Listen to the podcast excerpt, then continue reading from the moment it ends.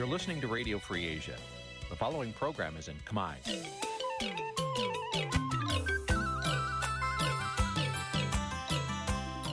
នេះជាកម្មវិធីផ្សាយ Vuthu Azizi Serai នេះជាកម្មវិធីផ្សាយរបស់ Vuthu Azizi Serai ជាភាសាខ្មែរ Vuthu Azizi Serai សូមស្វាគមន៍លោកអ្នកនាងទាំងអស់ពីរដ្ឋធានី Washington នៃសហរដ្ឋអាមេរិក បាទពីរដ្ឋធានីវ៉ាស៊ីនតោនខ្ញុំបាទសេកបណ្ឌិតសូមជម្រាបសួរអស់លោកអ្នកនាងកញ្ញាទាំងអស់ជាទីមេត្រី បាទយើងខ្ញុំសូមជូនកម្មវិធីផ្សាយសម្រាប់រាត្រីថ្ងៃសៅរ៍10កើតខែមិគសេឆ្នាំខាលចត្វាស័កពុទ្ធសករាជ2566ត្រូវនៅថ្ងៃទី3ខែធ្នូគ្រិស្តសករាជ2022បាទជាដំបូងនេះសូមអញ្ជើញអស់លោកអ្នកនាងស្ដាប់ព័ត៌មានប្រចាំថ្ងៃដែលមានមេតិការដូចតទៅ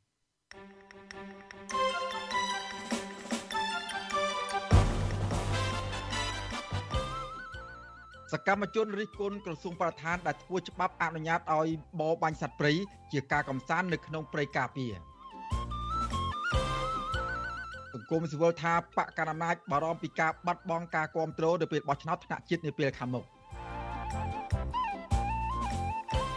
មន្ត្រីសិទ្ធិមនុស្សជំរុញឲ្យតុលាការពន្យានីតិវិធីលើបណ្ដឹងសុំនៅក្រៅឃុំរបស់មេធាវីកញ្ញាឈឹមស៊ីធ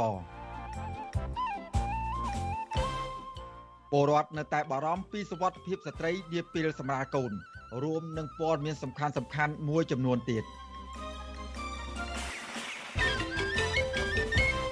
បាទជាបន្តទៅទៀតនេះខ្ញុំបាទសេកបណ្ឌិតសូមជូនព័ត៌មានពិស្ដា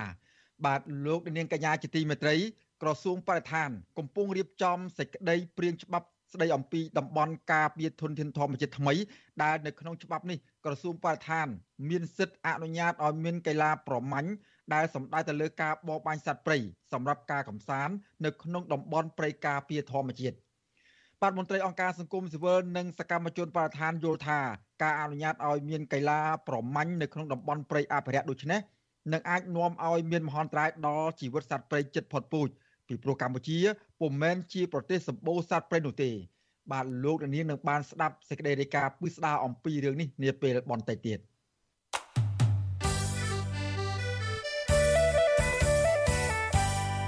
បាទឥឡូវនេះយើងមកមើលការគោរពសិទ្ធិមនុស្សនៅក្នុងប្រទេសកម្ពុជានេះវិញម្ដងបាទមន្ត្រីសិទ្ធិមនុស្សជំរុញឲ្យតុលាការក្រុងភ្នំពេញ ពន្លឿននីតិវិធីលើបណ្ដឹងសុំនៅក្រៅឃុំបណ្ដោះអាសន្នរបស់មេធាវីការពារក្តីរបស់កញ្ញាឈឹមស៊ីធដើម្បីដោះលែងមេសហជីពរូបនេះឲ្យមានសេរីភាពដើម្បីកុំឲ្យមានការរំលោភបំពានសិទ្ធិនិងរងការរិះគន់ថ្កោលទោសពីសំណាក់សហគមន៍អន្តរជាតិបាទការលើកឡើងបែបនេះគឺបន្ទាប់ពីក្រមមេធាវីកញ្ញាឈឹមស៊ីធកាលពីថ្ងៃទី30ខែវិច្ឆិកា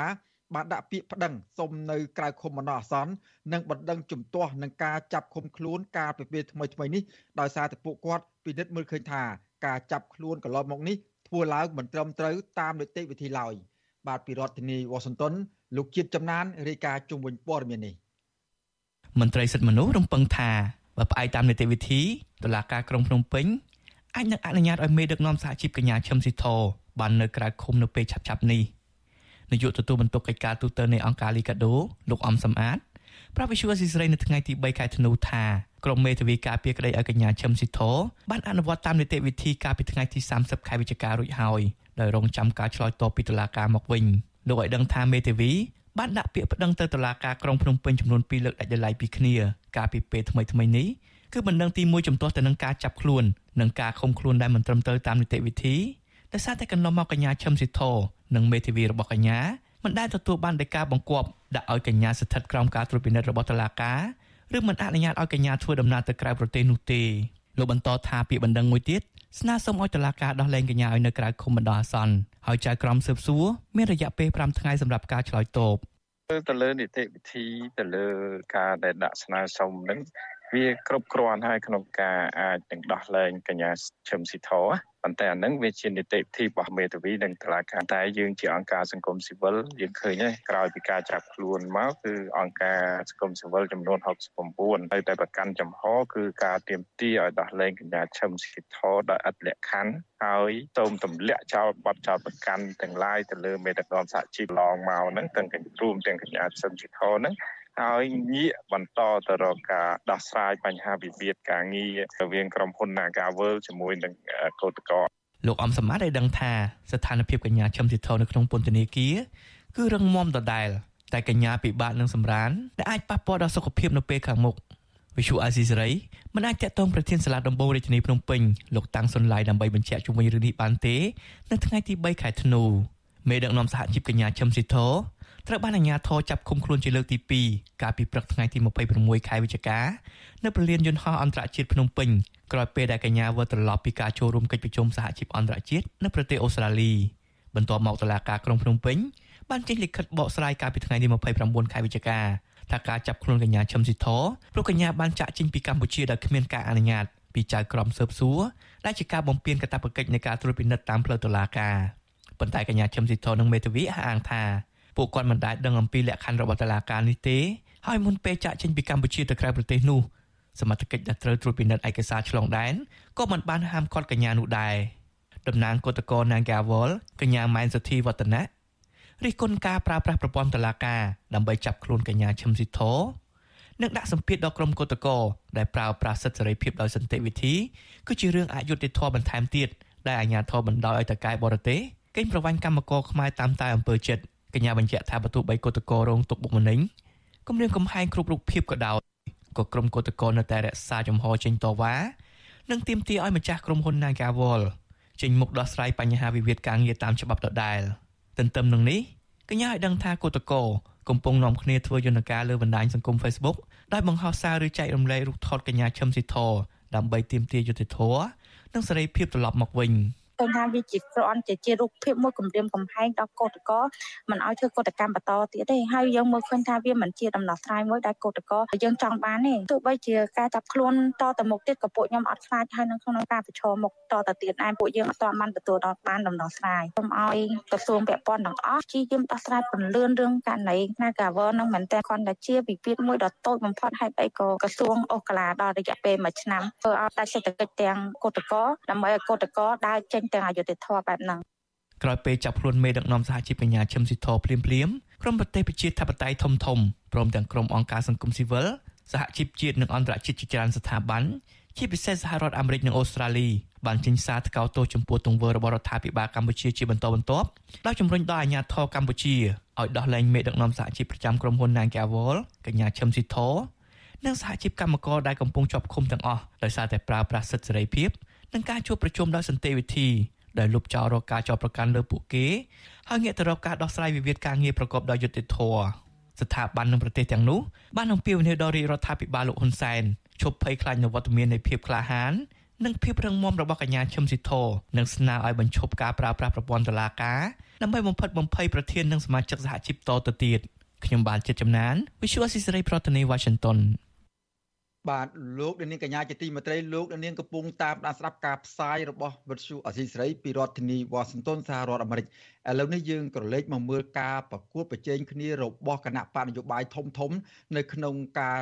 ត្រៀមលក្ខណៈចូលរួមការបោះឆ្នោតជ្រើសតាំងតំណាងរាស្ត្រនៅឆ្នាំ2023ខាងមុខនេះវិញ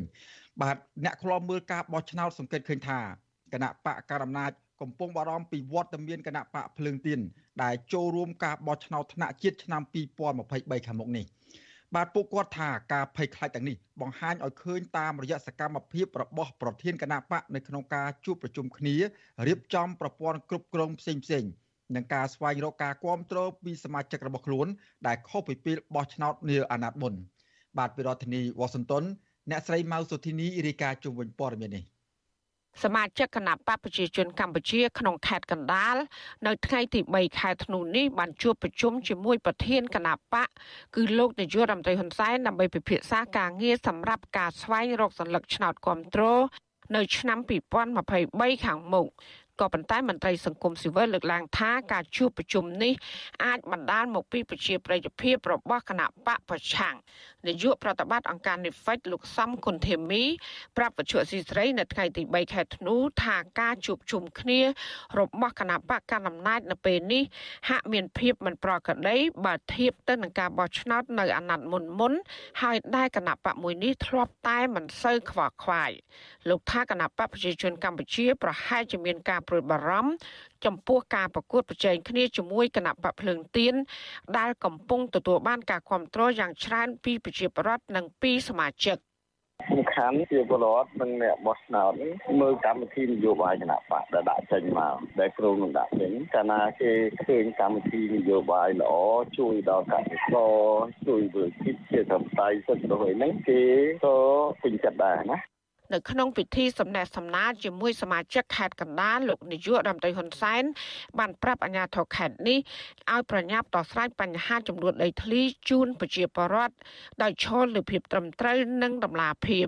ជាពិសេសគឺជ្រើសយកយន្តការដោះស្រាយបញ្ហាក្រៅប្រព័ន្ធតុលាការដោយប្រកាន់យកនយោបាយឈ្នះឈ្នះ មហាជនរិះគន់ថាការលើកឡើងរបស់លោកហ៊ុនសែនគ្រាន់តែជាការឃោសនាដើម្បីស្វែងរកសម្លេងឆ្នោតគ្រប់គ្រងប៉ុណ្ណោះជាក់ស្ដែងប្រជាប្រដ្ឋដែលរងផលប៉ះពាល់ពីគម្រោងកសាងពលានយន្តហោះថ្មីដែលស្ថិតនៅក្នុងខេត្តកណ្ដាលនៅតែទទួលរងភាពអយុត្តិធម៌បើទោះបីជាពួកគេ បាននាំគ្នាតវ៉ាទាមទាររកដំណោះស្រាយជាច្រើនលើកហើយក្តី។ ក្នុងនោះប្រជាប្រដ្ឋរងគ្រោះជាច្រើនអ្នកត្រូវបានតឡាការខេត្តនេះចាប់ខ្លួនគម្រាមកំហែងនិងដាក់ពន្ធនាគារយ៉ាងអយុត្តិធម៌ដើម្បីការពារផលប្រយោជន៍ឲ្យក្រុមហ៊ុន OCIC របស់អង្គការពងខៀវសែ ឆ្លើយតបរឿងនេះអ្នកនាំពាក្យគណៈបកប្រជាជនកម្ពុជាលោកសុកអេសាន ថាការជួបសំណេះសំណាលរវាងលោកនាយករដ្ឋមន្ត្រីហ៊ុនសែនជាមួយសមាជិកគណៈបកគឺមានជាយូរយារមកហើយហើយក៏បានធ្វើឡើងជាមួយមន្ត្រីគ្រប់ថ្នាក់គ្រប់ខេត្តទាំងអស់លោកថាគណៈបកប្រជាជនកម្ពុជាគ្មានការព្រួយបារម្ភអ្វីបន្តិចនោះឡើយក្នុងការប្រកួតប្រជែងជាមួយគណៈបកប្រឆាំងនៅពេលបោះឆ្នោតថ្នាក់ជាតិខាងមុខ ហើយមន្ត្រីណាដែលរួចផុតដែលមានសម្បត្តិធ្វើនយោបាយអាហ្នឹងគឺសិទ្ធិរបស់គាត់គាត់ចង់ចូលឯណាចូលរបស់គាត់ទៅអាហ្នឹងជារឿងគាត់ទេវាគ្មានអីប្លែកទេព្រោះនៅក្នុងចង្កោមអ្នកចាញ់បដែលតាមិនចឹងវាចេញពីសង្គ្រោះជាតិនឹងហើយហើយសិតតអ្នកចាញ់សង្គ្រោះជាតិនឹងម្នាក់ចាញ់ហើយវាបែកពីសង្គ្រោះជាតិនឹងមកឥឡូវមករួមគ្នាវិញអាហ្នឹងវានៅអ្នកចាញ់បូកអ្នកចាញ់តាមានអីគួរឲ្យព្រួយបារម្ភ តកតិនរឿងនេះអ្នកសិក្សាផ្នែកច្បាប់លោកវ៉ាន់ច័ន្ទលូតលើកឡើងថាវត្តមានគណៈបកភ្លើងទៀនគឺជាការព្រួយបារម្ភមួយរបស់គណៈបកកាន់អំណាចពីព្រោះគណៈបកប្រឆាំងដ៏មានប្រជាប្រិយភាពមួយនេះនឹងកែប្រែសភាឯកបកឲ្យคล้ายជាសភាពហុបកវិញ។ បន្ថែមពីនេះលោកមើលឃើញថាយន្តការនិងគោលនយោបាយនៃការដោះស្រាយបញ្ហារបស់គណៈបកកណ្ដាលអំណាចកន្លងមកនេះគឺមិនសូវមានប្រសិទ្ធភាពនោះឡើយហើយដែលបញ្ហានេះធ្វើឲ្យគណៈបកមួយនេះកាន់តែមានការព្រួយបារម្ភពីការបាត់បង់ប្រជាប្រិយភាពរបស់ខ្លួន។ លោកបន្តថាការចាក់ស្រេះអំពើពុករលួយនៅក្នុងសង្គមកម្ពុជា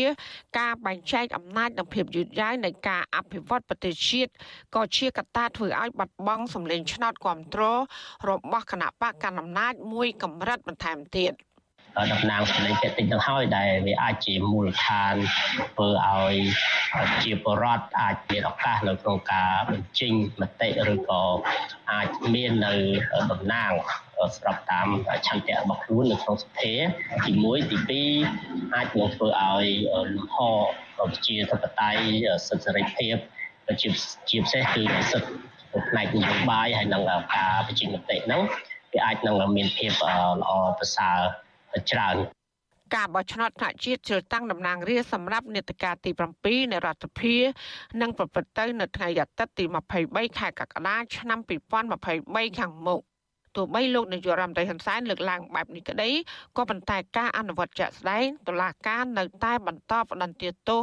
អ្នកនយោបាយប្រឆាំងសកម្មជនបរិស្ថានសិទ្ធិមនុស្សសហជីពនិងសកម្មជនដីធ្លីជាដើមឲ្យជាប់ពន្ធនាគារពីបទចោទប្រកាន់មួយចំនួន ដោយគ្មានភស្តុតាងត្រឹមត្រូវនិងផ្អែកលើមូលដ្ឋានច្បាប់ច្បាស់លាស់ជាក់ស្ដែងកាលពីថ្ងៃទី11ខែវិច្ឆិកាកន្លងមកនេះតុលាការក្រុងភ្នំពេញបានចេញដីការរឹបអូសផ្ទះលោកសុនឆៃដែលជាអនុប្រធានគណៈបកភ្លើងទៀនចំនួន2កន្លែង គឺនៅរាជធានីភ្នំពេញនិងនៅខេត្តសៀមរាបក្នុងសំណុំរឿងបរិហាកេ2ដែលប្តឹងដោយគណៈបកប្រជាជនកម្ពុជា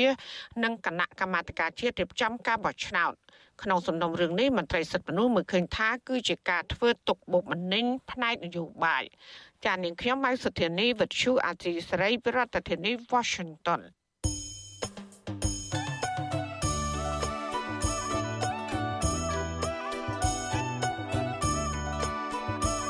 បាទលោកលោកនាងកញ្ញាជាទីមេត្រីលោកនាងកំពុងតាមដានស្ដាប់ការផ្សាយរបស់វិទ្យុអស៊ីសេរីពីរដ្ឋធានីវ៉ាស៊ីនតោនសហរដ្ឋអាមេរិកបាទដំណើរគ្នានឹងការស្ដាប់ការផ្សាយរបស់វិទ្យុអស៊ីសេរីតាមបណ្ដាញសង្គម Facebook និង YouTube នោះលោកនាងក៏អាចស្ដាប់កម្មវិធីផ្សាយរបស់វិទ្យុអស៊ីសេរីតាមរយៈរលកធាតុអាកាសខ្លីឬ Shortwave តាមកម្រិតនិងកម្ពស់ទៅទៅនេះ បាទពេលព្រឹកចាប់ពីម៉ោង5:30នាទីដល់ម៉ោង6:30នាទីតាមរយៈរលកធាតុអាកាសខ្លី9390 kHz ស្មើនឹងកម្ពស់ 32m និង11850 kHz ស្មើនឹងកម្ពស់ 25m បាទនៅពេលយប់ចាប់ពីម៉ោង7កន្លះដល់ម៉ោង8កន្លះតាមរយៈរលកធាតុអាកាសខ្លី9390 kHz ស្មើនឹងកម្ពស់ 32m និង15155 kHz ស្មើនឹងកម្ពស់ 20m និង11885 kHz ស្មើនឹងកម្ពស់ 20m បាទសូមអរគុណបាទលោកនាងកញ្ញាជាទីមេត្រីពាក់ព័ន្ធនឹងបញ្ហាបរិស្ថានព្រៃឈើវិញម្ដង បាទក្រសួងបរិស្ថានកំពុងរៀបចំសេចក្តីព្រាងច្បាប់ស្តីពីតំបន់ការពារធម្មជាតិថ្មីដែលនៅក្នុងច្បាប់នេះក្រសួងបរិស្ថានមានសិទ្ធិអនុញ្ញាតឲ្យមានកីឡាប្រមាញ់ដែលសំដៅទៅលើការបរបាញ់សត្វព្រៃសម្រាប់ការកំសាន្តនៅក្នុងតំបន់ព្រៃការពារធម្មជាតិបាទមន្ត្រីសង្គមស៊ីវិលនិងសកម្មជនបរិស្ថានយល់ថាការអនុញ្ញាតឲ្យមានកីឡាប្រមាញ់នៅក្នុងតំបន់ព្រៃអភិរក្សយ៉ាងដូចនេះនឹងអាចនាំឲ្យមានមហន្តរាយដល់ជីវិតសត្វព្រៃជិតផុតពូជ ព្រោះកម្ពុជាពុំមែនជាប្រទេសសម្បូរសត្វព្រៃនោះទេ បាទពីរដ្ឋធានីវ៉ាស៊ីនតោនលោកយុនសមៀនរាយការណ៍ជុំវិញព័ត៌មាននេះសកម្មជនចលនាមេដាធម្មជាតិលោកលីច័ន្ទដារាវុធយល់ឃើញថារដ្ឋាភិបាលគួរពង្រឹងការអនុវត្តច្បាប់ការពារធនធានធម្មជាតិដែលមានស្រាប់ជាជាងបង្កើតច្បាប់ថ្មីដែលនាំឲ្យខាតថវិកាជាតិ ព្រោះសេចក្តីព្រាងច្បាប់ស្តីពីតំបន់ការពារធនធានធម្មជាតិថ្មីនេះមិនសូវខុសពីច្បាប់ស្តីពីតំបន់ការពារធនធានធម្មជាតិដែលបានដាក់ចេញឲ្យអនុវត្តកាលពីឆ្នាំ2008ឡើយជាមួយគ្នានេះលោកបន្ថែមថាសប្តាហ៍ថ្ងៃនេះសត្វព្រៃជិតផុតពូជកំពុងតែប្រឈមនឹងការបរបាញ់និងដាក់អន្ទាក់ដោយខុសច្បាប់យ៉ាងអនាធបត័យដូច្នេះរដ្ឋាភិបាលមិនត្រូវឲ្យមានការបរបាញ់សត្វព្រៃคล้ายជាអំពើស្របច្បាប់នោះឡើយ ព្រោះវានឹងធ្វើឲ្យសត្វព្រៃជិតផុតពូជទាំងនោះដាច់ពូជទាំងស្រុងពីពិភពលោកខ្ញុំមិនគ្រប់គ្រងឲ្យមានកីឡាប្រមាញ់ទេហើយខ្ញុំលើកទឹកចិត្តថាក្រសួងបរិស្ថានគួរតែគិតគូរម្ដងទៀតនៅលើចំណុចនេះហើយគួរតែដកវាចេញទៅចំពោះកីឡាប្រមាញ់ហ្នឹងវាមិនចាំបាច់នៅក្នុងស្រុកយើងហើយក៏វាមិនតាក់ទាញភ្ញៀវទេសចរមិនតាក់ទាញចំណូលជាតិអីប្រហែលមកស្រុកខ្មែរទេព្រោះខ្ញុំកម្រឃើញទេសចរមកស្រុកខ្មែរដោយសារកីឡាប្រមាញ់ហើយក៏មិនដែលឃើញប្រទេសណាមានការកើនឡើងនៃភ្ញៀវទេសចរដោយសារកីឡាប្រមាញ់ដែរ សេចក្តីព្រាងច្បាប់ថ្មីស្តីពីតំបន់ការពារធម្មជាតិដែលវិទ្យុអាស៊ីសេរីទើបទទួលបានកាលពីពេលថ្មីថ្មីនេះមានសរុប13ជំពូកនិង74មាត្រាសេចក្តីព្រាងច្បាប់នេះបានផ្ដល់សិទ្ធិផ្ដាច់មុខដល់ក្រសួងបរិស្ថានដើម្បីចាត់ចែងការពារធនធានធម្មជាតិទាំងអស់នៅក្នុងប្រទេសក្នុងនោះត្រង់មាត្រា32នៃសេចក្តីព្រាងច្បាប់នេះចែងថាក្រសួងបរិស្ថានអាចអនុញ្ញាតឲ្យមានការរៀបចំសកម្មភាពកីឡាប្រមាញ់នៅក្នុងតំបន់អភិរក្សដែលជាតំបន់ទី2 បន្ទាប់ពីតំបន់ស្នូលនៃព្រៃឈើដែលត្រូវគេការពារ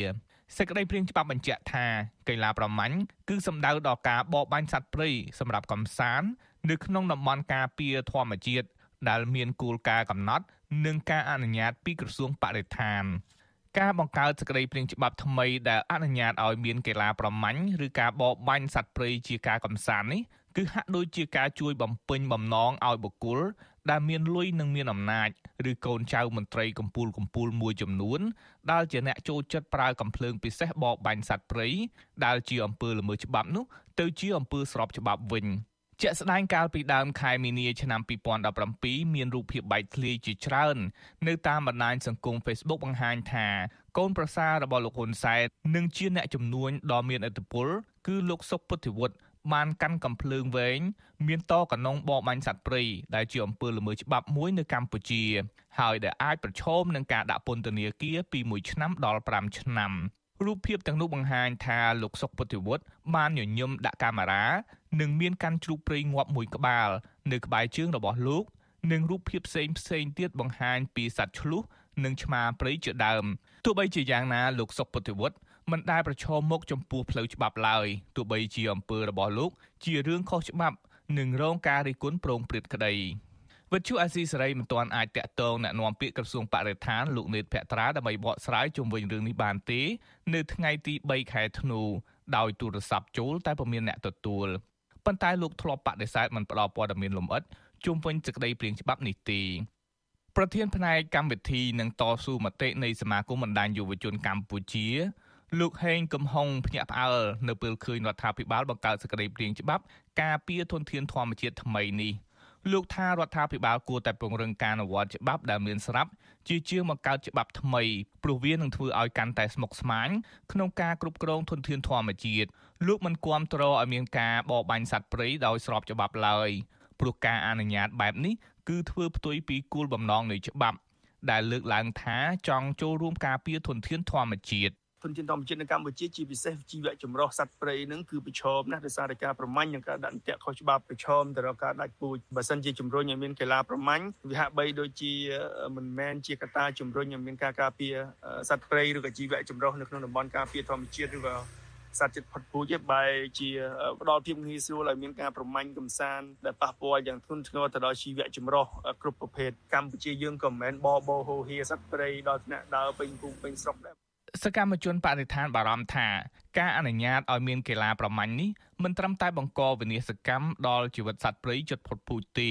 ប៉ុន្តែសក្តីព្រៀងច្បាប់ការពារធនធានធម្មជាតិថ្មីនេះក៏បានចែងរដ្ឋបិទសិទ្ធិសេរីភាពប្រជាសហគមន៍និងអង្គការសង្គមស៊ីវិលក្នុងការចូលរួមការពារព្រៃក្នុងតំបន់អភិរក្សផងដែរសេចក្តីព្រៀងច្បាប់ការពារធនធានធម្មជាតិថ្មីនេះតម្រូវឲ្យប្រជាសហគមន៍ឬក្រុមស្រាវជ្រាវអំពីធនធានធម្មជាតិ ត្រូវសុំការអនុញ្ញាតពីមន្ត្រីបរិស្ថានជាមុនសិនទើបអាចចូលទៅក្នុងតំបន់អភិរក្សបានខ្ញុំយុនសាមៀនវិទ្យុអាស៊ីសេរីប្រធានាធិបតី Washington បាទលោកនាងកញ្ញាជាទីមន្ត្រីពាក់ព័ន្ធនឹងសេចក្តីព្រាងច្បាប់ថ្មីស្តីអំពីការការពារបរិស្ថានធនធានធម្មជាតិនេះច្បាប់ចេញគ្រូដែលចេញថ្មីនេះគឺថាអង្គការសង្គមស៊ីវិលប្រជាពលរដ្ឋជាពិសេសអ្នកដែលធ្លាប់មើលការអភិរក្សសត្វព្រៃនិងព្រៃឈើនោះគឺថាមានកៃមានក្តីព្រួយបារម្ភយ៉ាងខ្លាំងដោយសារថាច្បាប់នេះហាក់បីដូចជាប្រឆាចពីច្បាប់ចាស់នោះឆ្ងាយហើយមេត្រាមួយចំនួនហាក់បីចូលជាមិនសមស្របទៅនឹងលក្ខខណ្ឌធម្មជាតិ ទៅនឹងសមស្របទៅនឹងលក្ខខណ្ឌនៃការរស់នៅរបស់ប្រជាពលរដ្ឋសពថ្ងៃនោះទេបាទបាទឥឡូវនេះយើងអញ្ជើញសកម្មជនបរិស្ថានមួយរូបគឺលោកលីច័ន្ទតារាវុធហើយលោកលីច័ន្ទតារាវុធគឺជាសកម្មជននៃចលនាមេដាធម្មជាតិហើយលោកក៏ជាអ្នកសិក្សាផ្នែកច្បាប់ផងដែរបាទឥឡូវនេះខ្ញុំបាទសូមជម្រាបសួរលោកលីច័ន្ទតារាវុធពីចម្ងាយបាទបាទសូមជម្រាបសួរលោកពូសេចបណ្ឌិតបាទ បាទអឺតារាវុធជាដំបូងនេះខ្ញុំចង់សូមឲ្យតារាវុធចាប់អារម្មណ៍ទៅលើសេចក្តីព្រៀងច្បាប់ថ្មីដែលលោកយុនសមៀនបានជម្រាបជូនអំបញ្ញមិញនេះហើយបន្ទាប់មកខ្ញុំនឹងមានផ្ដោតទៅលើមេត្រាមួយចំនួនដែលមានការមន្ទិលសង្ស័យនិងហាក់ដូចជាប្រជាពលរដ្ឋមិនអាចទទួលយកបាននៅមេត្រាមួយចំនួននោះឥឡូវនេះជាដំបូង សេចក្តីព្រៀងច្បាប់ទាំងមូលលោកបានស្ដាប់ហើយហើយលោកបានអានខ្លះហ្នឹងតើមានចាប់អារម្មណ៍ទៅលើចំណុចណាមួយដែលគួរឲ្យព្រួយបារម្ភហើយវាប្រឆាចនឹង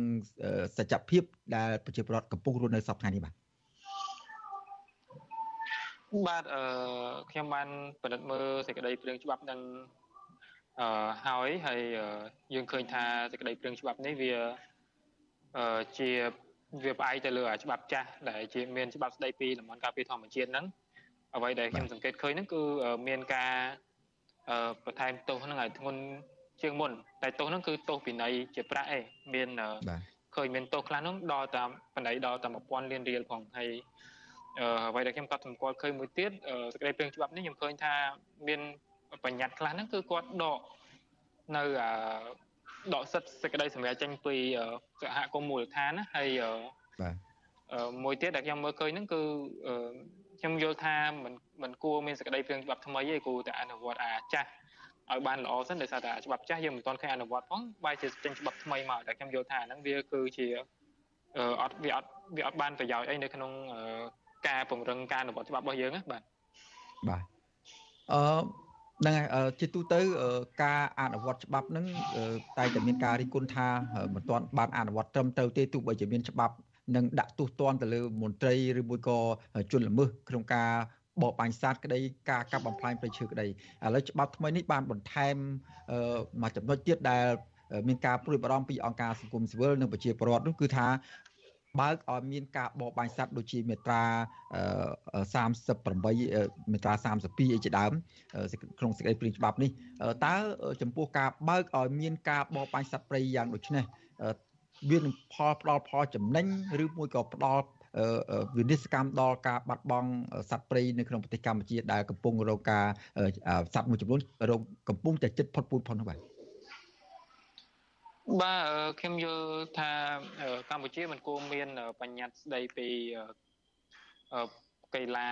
ប្រមាញ់អីហ្នឹងទេខ្ញុំយល់ថាទីមួយវាមិនមែនជាតម្រូវការប្រជាជនកម្ពុជាហើយខ្ញុំយល់ខ្ញុំបារម្ភចំពោះការគ្រប់គ្រងទៅលើ វិស័យហ្នឹងព្រោះថាកីឡាប្រមាញ់ការបោបាញ់សត្វអីនេះគឺវាទាមទារឲ្យមានការគ្រប់គ្រងហ្នឹងគឺគឺថាវាតឹងតែងព្រោះថាបើសិនជាការគ្រប់គ្រងបានល្អទេសត្វព្រៃដែលនៅក្នុងប្រទេសកម្ពុជានឹងចាប់ផ្ដើមរិចរិលដោយសារតែការបរបាញ់និងវាហួសពីកម្រិតដែលច្បាប់អនុញ្ញាតហើយមួយទៀតខ្ញុំបារម្ភហ្នឹងគឺនៅក្នុងប្រទេសកម្ពុជាអំពើពុករលួយហ្នឹងគឺវាខ្ពស់ជាក់ស្ដែងយើងឃើញថាការគ្រប់គ្រងធនធានធម្មជាតិកន្លងមកព្រៃឈើជាដើមហ្នឹង បើសិនជាយើងមើលទៅអាព្រៃឈើដែលគេមិនអោយកាប់ផងហ្នឹងរៀងនៅតែការពីអំបាននៅតែមានគេលួចកាប់ចុះតំំតែសត្វដែលមានច្បាប់បើកឲ្យបរបាញ់សម្រាប់ទៅទៀតខ្ញុំយល់ថាអាហ្នឹងយូរទៅវាទៅជាការបាញ់សម្រាប់សត្វស្របច្បាប់ហើយវាអាចយកទៅបិទបាំងចំពោះការបោបាញ់សត្វផ្សេងផ្សេងរបស់អ្នកមានអំណាចឲ្យជាដើមហើយកន្លងមកយើងឃើញដូចជាករណីការនាំចេញសត្វស្វាទៅក្រៅប្រទេសរាប់ម៉ឺនក្បាលដែលយើងអត់ដឹងហ្នឹង ជាក់ស្ដែងយើងឃើញហើយអាស្វាហ្នឹងអាការនាំចេញស្វាហ្នឹងវាខុសច្បាប់ហើយនៅយើងនៅតែមានការនាំចេញរាប់ម៉ឺនក្បាលចុះតម្រាំតែបង្កើតឲ្យមានកីឡាប្រមាញ់ដែលដែលខ្ញុំគិតថាអាចជាជាលេសមួយសម្រាប់អ្នកមានលុយមានអំណាចនៅក្នុងការអឺហូស៊ីនៅក្នុងផ្នែកការជួញដូរសត្វព្រៃហ្នឹងក្នុងទ្រង់ទ្រាយធំជាងមុនទៅទៀតអានេះជាក្តីបារម្ភរបស់ខ្ញុំបាទ បាទចំណុចមួយទៀតតកតងនឹងបើកឲ្យមានកីឡាប្រមាញ់បបាញ់សត្វនៅក្នុងព្រៃអភិរក្សយ៉ាងយ៉ាងដូចនេះនេះបើសិនជាយើងគិតពីតម្លាភាពវិញ តើវាមានតម្លាភាពប៉ុន្មានរវាងមន្ត្រីថ្នាក់ធំកូនអ្នកមានអំណាច មានលុយមានកាក់និងប្រជាពលរដ្ឋសាមញ្ញធម្មតាដែលពួកគាត់មួយចំនួនដែលធ្លាប់បកករបរចិញ្ចឹមជីវិតតាំងពីដូនតាហៅថាព្រានព្រៃនោះពេលបច្ចុប្បន្នពួកគាត់មិនសូវមានលទ្ធភាពនៅក្នុងការបកករបរនេះទេតើសេចក្តីព្រាច្បាប់នេះអាចតម្រូវដល់ប្រជាពលរដ្ឋបើកឲ្យពួកគាត់បរបាញ់សត្វ ឬមួយក៏តម្រូវតែលើកូនអ្នកធំមួយចំនួនដែលចូលចិត្តដើរបរបាញ់សត្វកំសាន្តលេងនៅពេលថ្ងៃឈប់សម្រាកនោះទេដូចជាយើងបានឃើញបណ្ដាញសង្គម Facebook រិះគន់ជាច្រើនកន្លងមកគឺសំដៅទៅលើគោលអ្នកធំមួយរូបគឺលោកសុពុទ្ធិវុត្តតែម្ដងដែលជាគោលប្រសារបស់លោកនាយករដ្ឋមន្ត្រីហ៊ុនសែនដែលកាន់កំភ្លើងបោកបាញ់សัตว์នៅក្នុងព្រៃមួយដែលមានការរិះគន់ថាមិនមានការចូលរួមក្នុងការពារ អភិរក្សសត្វព្រៃប៉ុន្តែ ជាការជំរុញនិងគ្រប់គ្រងឲ្យមានការបរបាញ់សត្វព្រៃទៅវិញនោះបាទបាទអាហ្នឹងគឺជាក្តីបារម្ភរបស់ខ្ញុំដែលដូចខ្ញុំបាននិយាយមុនហ្នឹងចឹងអ្វីដែលខ្ញុំបារម្ភហ្នឹងគឺបញ្ហាដំណាភាពនៅក្នុងការគ្រប់គ្រងវិស័យមួយហ្នឹងហើយអ្វីដែលយើងឃើញកន្លងមកគឺអាញាធរគឺគាត់គ្រប់គ្រងធនធានធម្មជាតិបានល្អហើយហើយថែមទាំងចូលរួមនៅក្នុងការកាប់បំផ្លាញព្រៃឈើការបរបាញ់សត្វហើយចាស់ស្ដេចយើងឃើញថាមន្ត្រី ដែលមានទូនាទីក្នុងការការពារសត្វព្រៃហ្នឹងបែរជាយកសត្វព្រៃទៅលក់ទៅវិញហើយអាហ្នឹងហើយដែលជាដែលដែលជាឧទាហរណ៍យើងឃើញស្រាប់អំពីភាពមិនប្រក្រតីដែលយើងបារម្ភថានឹងអាចកើតមានឡើងហើយមួយទៀតយើងមើលឃើញថាអ្នកដែលទៅប្រមាញ់សត្វអីហ្នឹងពីច្រើនមានតែអ្នកមានគ្នាឯងនៅក្នុងចំណោមមន្ត្រីធំធំដែលមានលុយទៅបបបាញ់តែប៉ុណ្្នឹងបើមិនជាអ្នកក្រគឺគាត់មិនទៅចំណាយលុយបបបាញ់ចឹងទេហើយខ្ញុំគិតថាច្បាប់ហ្នឹងវាបង្កើតវិសមភាព រវាងអ្នកមាននិងអ្នកក្រមានភាពមិនស្មើគ្នាចំពោះមុខច្បាប់ដោយសារតែយើងឃើញថាប្រជាជនសាមញ្ញទូទៅគឺគាត់មិនអាចបបបាញ់សត្វបានទេបើកាលណាតបបាញ់សត្វនៅក្នុងព្រៃគឺខុសច្បាប់គាត់ប្រឈមមុខនឹងច្បាប់ប្រឈមមុខនឹងទោសជាប់ពន្ធនាគារផងបងប្តីជាប្រាក់ផងប៉ុន្តែគណៈពេលដែលអ្នកមានលុយអាចចូលលុយហ្នឹងមកទិញសិទ្ធនៅក្នុងការបាញ់បាញ់សត្វនឹងបានហើយខ្ញុំថាវាមិនមែនជាគំរូល្អនៅក្នុងការអឺ ធ្វើឲ្យមានការអនុវត្តច្បាប់ល្អហើយក៏មិនមែនជាគំរូល្អនៅក្នុងការអភិរក្សសត្វព្រៃដែរនៅកម្ពុជាមិនមិនដល់ថ្នាក់មានសត្វព្រៃរត់ឆ្លងផ្លូវដូចនៅស្រុកគេខ្ញុំកំរឃើញជិះទៅផ្លូវណាមានសត្វព្រៃរត់ឆ្លងផ្លូវដែលដែលជាកត្តាមួយដែលថាសម្បូរពេកដល់ថ្នាក់ត្រូវតែបបាញ់អញ្ចឹងណាអញ្ចឹងខ្ញុំគិតថាវាមិនមែនជាតម្រូវការវាមិនមែនជាប្រយោជន៍ជាតិហើយខ្ញុំគិតថាវាពាក់ព័ន្ធមួយបុគ្គលច្រើនជាងអញ្ចឹងខ្ញុំមិនគ្រប់គ្រងឲ្យមានការកីឡាប្រមាញ់អីនៅក្នុងប្រទេសកម្ពុជាទេបាទបាទបើមិនគ្រប់គ្រង តើនៅពេលខាងមុខនេះសកម្មជនបរិស្ថានឬមួយក៏ក្រមយុវជន អាចនឹង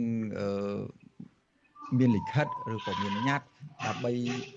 សូមឲ្យមានការកែសម្រួលកែតម្រូវទៅលើសេចក្តីព្រាងច្បាប់នេះឲ្យមានល្អភាពល្អប្រសើរនិងសមស្របទៅនឹងកលៈទេសៈប្រទេសកម្ពុជាកំពុងតែធ្វើយុទ្ធនាការការពារធនធានធម្មជាតិជាពិសេសព្រៃឈើសំខាន់សំខាន់និងសត្វព្រៃកម្រចិត្តផុតពូជនេះដែរទេបាទមើលទៅបាទនៅពេលដែលឃើញសេចក្តីព្រាងច្បាប់នឹងវាមានលក្ខណៈបែបហ្នឹងខ្ញុំ អាចថានឹងចង់ជជែកជាមួយនឹងមិត្តរួមការងារផ្សេងផ្សេងទៀតដែលដែលធ្វើការក្នុងវិស័យជាមួយគ្នាប៉ុន្តែចំពោះការរំពឹងទុកថាតើវានឹងអាចផ្លាស់ប្ដូរឲ្យបានច្រើនខ្ញុំមិនហ៊ានសន្យាទេដោយសារយើងឃើញស្រាប់វិញសម្បីតែការធ្វើច្បាប់ហ្នឹងគឺมันមានការពិគ្រោះយោបល់ជាមួយនឹងភាគីពាក់ព័ន្ធអង្គការសង្គមស៊ីវិលដែលពាក់ព័ន្ធផងអញ្ចឹងចំពោះថារំពឹងថាគេនឹងកែប្រែកម្រិតណាខ្ញុំពិបាកនឹងឆ្លើយហើយក៏ជារឿងដែលពិបាកនឹងទូទាយដែរគ្រាន់តែអ្វីដែលយើងអាចធ្វើបានគឺមានតែផ្សព្វផ្សាយអំពីច្បាប់នេះមានតែផ្សព្វផ្សាយអំពីភាពមិនប្រក្រតីហើយអ្វីដែលយើងយល់ឃើញថាខុសហើយប្រជាជនគឺគាត់ជាអ្នកវិនិច្ឆ័យទៅលើអ្នកដែលធ្វើច្បាប់ហ្នឹងក៏ជាអ្នកមើលហើយគាត់ក៏ជាអ្នកដែលជាម្ចាស់ឆ្នោតត្រូវតែបោះឆ្នោតនៅថ្ងៃអនាគតហ្នឹងអញ្ចឹងអ្វីដែលយើងធ្វើគឺអាចបានប៉ុណ្្នឹងហើយបើសិនជារដ្ឋាភិបាលមានឆន្ទៈខ្ញុំយល់ថាគាត់អាចនឹងពិចារណាចំណុចហ្នឹងហើយ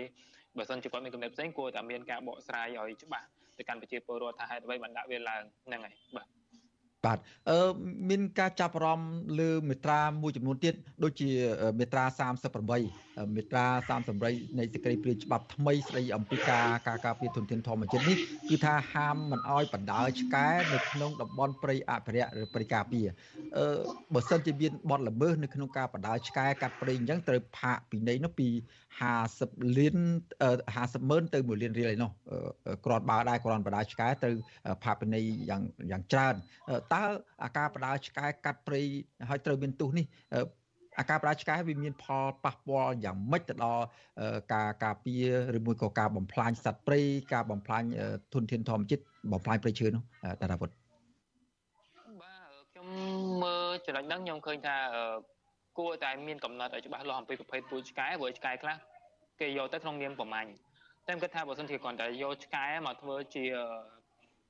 តលហីក៏ថាបុគ្គលនឹងចូលទៅប្រមាញ់វាអត់សមដែរទេព្រោះអីមាន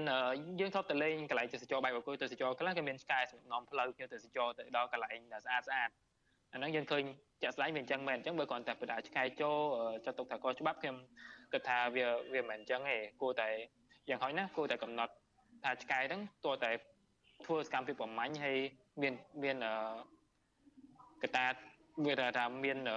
កត្តាកំណត់ច្បាស់លាស់ថាឆ្កែប្រភេទណាហើយតើតើប្រព្រឹត្តសកម្មសកម្មភាពរបៀបម៉េចបើគាត់ថាយកឆ្កែមកកំណត់ខ្ញុំយល់ថាហ្នឹងវាមិនជារឿងត្រឹមត្រូវហើយវាអាចនឹងបង្កឲ្យមានការយល់ច្រឡំច្រើនការអនុវត្តច្បាប់ផ្សេងៗនៅតំបន់ទេសចរមកផ្សេងផ្សេងដែលមានព្រៃឈើមានអីដូចគ្នាហ្នឹងអញ្ចឹងតែតែគាត់នាំឆ្កែចូលអញ្ចឹងវាត្រូវផាកអញ្ចឹងសំដៅសួរថាតើអឺ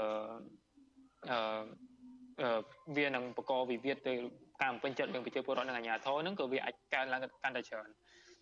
ខ្ញុំចាប់អារម្មណ៍សកម្មភាពច្បាប់ហ្នឹង កន្លែងនេះមួយទៀតខ្ញុំអាចចូលរួមបន្តិចបានទេលោកបាទសូមជឿបាទពូសេងបាទបាទខ្ញុំចាប់អារម្មណ៍ទៅលើមេត្រា18ដែលមានតាំងពីច្បាប់ចាស់មកហ្នឹងយើងឃើញថាតំបន់ការពារធម្មជាតិវាត្រូវចែកចេញជា4តំបន់ក្នុងចំណុចហ្នឹងគឺតំបន់ snow ហើយតំបន់អភិរក្សហ្នឹងបើសិនជាចង់ចូលទៅក្នុងតំបន់ហ្នឹងគឺវាតើតមានការស្នើសុំទៅកាន់អាជ្ញាធរអាជ្ញាធរអនុញ្ញាតខ្ញុំគិតថាវិធីសាស្ត្រការពារព្រៃរបៀបហ្នឹងគឺវាមិនមានប្រសិទ្ធភាពទេបើសិនជាយើងឆ្លុះប្រចាំងទៅការអនុវត្តច្បាប់នឹង តាំងពីឆ្នាំ2008មកដល់ឆ្នាំនេះវិញយើងថាទី1វាអត់ទាន់មានការបែងចែកតំបន់អាហ្នឹងខ្ញុំគិតថាការបែងបែងចែកតំបន់វាអត់ខុសទេប៉ុន្តែអាការដែលមនុស្សចូលទៅក្នុងតំបន់ហ្នឹងអត់បានគឺជាគឺជារឿងមួយដែលយើងត្រូវជជែកគ្នាឡើងវិញអឺជាក់ស្ដែងយើងឃើញថាកន្លងមកអាជ្ញាធរហាមឃាត់មិនឲ្យក្រុមសកម្មជនប្រៃឈើសកម្មជនបរិស្ថានចូលល្បាតព្រៃបើខ្លួនឯងនៅព្រៃបរិការព្រៃឡង់នេះយើងឃើញថានៅពេលដែលព្រៃមួយអត់មានសកម្មជនចូលល្បាតអត់មានសហគមន៍មូលដ្ឋានអាចចូលរួម ល្បាតព្រៃបានហ្នឹងព្រៃនៅហ្នឹងគឺមានរបាយការណ៍មកគូអស់ច្រើនមែនទែនព្រៃការកាប់ព្រៃឈើគឺវាកើនឡើងហើយដូច្នេះខ្ញុំយល់ឃើញថាអឺគួរណាស់តែយើងរកវិធីផ្សេងដើម្បីឲ្យប្រជាជនឲ្យសហគមន៍មូលដ្ឋានអាចចូលទៅការពារនៅតំបន់ snow នឹងបានដែរជាក់ស្ដែងបើសិនជាតំបន់ snow នឹងអ្វីដែលខ្ញុំបារម្ភណានៅពេលដែលតំបន់ snow នឹងសហគមន៍ក៏ចូលទៅមិនបាន ប្រជាពលរដ្ឋអ្នកស្រឡាញ់ព្រៃឈើក៏ចូលទៅមិនបានបានចូលទៅទៅទៅការសុំច្បាប់អញ្ចឹងបើមន្ត្រីពុករលួយជាអ្នកកាន់ច្បាប់ហ្នឹងកន្លងមកដូចយើងឃើញអញ្ចឹងព្រៃដែលអស់ហ្នឹងគឺកន្លែងព្រៃណាដែលប្រជាជនចូលទៅអត់បានហ្នឹងហើយតំបន់ snow ហ្នឹងក៏វាអាចថាជាកន្លែងដែលនឹងរងគ្រោះដែរដោយសារតំបន់ហ្នឹងវាមានព្រៃដែលត្រូវការពារច្រើនហើយនឹងមានសត្វព្រៃផងអញ្ចឹងនៅពេលកន្លែងដែលសបោធនធានហើយខ្វះដំណាភាពខ្ញុំបារម្ភថាធនធាននៅកន្លែងហ្នឹងនឹងអស់ទាំងប្រជាជនអត់ដឹងបាទ បាទតារាវុធខ្ញុំក៏ចាប់អារម្មណ៍លើមេត្រាមួយចំនួនដែរតើប៉ុន្តែចង់ដឹងពីទស្សនៈរបស់តារាវុធវិញយល់យ៉ាងម៉េចចំពោះដែលមានការហាម5មេត្រាខ្លះទៀតនោះមានការហាម5មិនឲ្យប្រជាពលរដ្ឋនឹងចូលព្រៃទៅបេះផ្លែឈើឬមួយក៏រុក្ខជាតិដែលគេចាត់ទុកថាជាប្រភេទរុក្ខជាតិកម្រនោះទេបើសិនជាបេះ ហើយផ្លែឈើឬមួយក៏រុក្ខជាតិកម្រដែលគេចាត់ទុកថាកំចិត្តផុតពូជឬមួយក៏រុក្ខជាតិកម្រនឹងមានទោសហើយឬមួយក៏មានការផាកពិន័យនៅចំនួនទឹកប្រាក់ចំនួនណាមួយដែលប្រជួយប្រវត្តិពិបាកនឹងមានលទ្ធភាពបង់ទៀតផងចំពោះការដែលកំណត់នៅក្នុងសេចក្តីព្រាងច្បាប់យ៉ាងដូចនេះតើវានឹងអាចប៉ះពាល់ទៅដល់ជីវភាពរបស់ប្រជាពលរដ្ឋដូច គ្រប់គ្នាដឹងហើយប្រជាពលរដ្ឋនៅតាមសហគមន៍ជាពិសេសនៅតាមសហគមន៍ដែលរស់នៅជិតតំបន់ព្រៃឈើដែលអាស្រ័យផលទៅលើធនធានធម្មជាតិពីព្រោះគាត់គាត់ត្រូវការទទួលទានរោគរបរចិញ្ចឹមជីវិតដោយអនុផលប្រជើអញ្ចឹងបើមានច្បាប់នេះតើនឹងអាចប៉ះពាល់ដល់មុខរបរចិញ្ចឹមជីវិតរបស់ពួកគាត់ដែលទទួលទានដោយអាស្រ័យទៅលើអនុផលប្រជើនឹងដែរទេបាទជាពិសេសអ្នកដែលប្រកបមុខរបររោគឱសថបុរាណ ពួកគាត់ត្រូវការរុក្ខជាតិពិសេសពិសេសមួយចំនួនដើម្បីផ្សំនៅក្នុងមុខរបរធ្វើផលិតឱសថបុរាណគាត់នោះបាទបាទហ្នឹងទីមួយយើងត្រូវជជែកគ្នាទៅលើការហាមបេះរុក្ខជាតិកម្រហ្នឹងខ្ញុំគិតថាវាអាចសមហេតុផលដែរបើមិនជាយើងចង់អភិរក្សប៉ុន្តែយើងទៅគិតមកជ្រុងទៀតថាតើក្រៅពីហាមគេមិនឲ្យបេះហ្នឹងយើងមានវិធីសាស្ត្រអីផ្សេងទៀតដើម្បីធ្វើឲ្យរុក្ខជាតិហ្នឹងកាន់តែសម្បូរជាងមុនអញ្ចឹងណាអាហ្នឹងក៏យើងអាចមួយ ជ្រុងផ្សេងទៀតក្រៅពីការហាម5សុខសាស្ត្រហើយមួយទៀត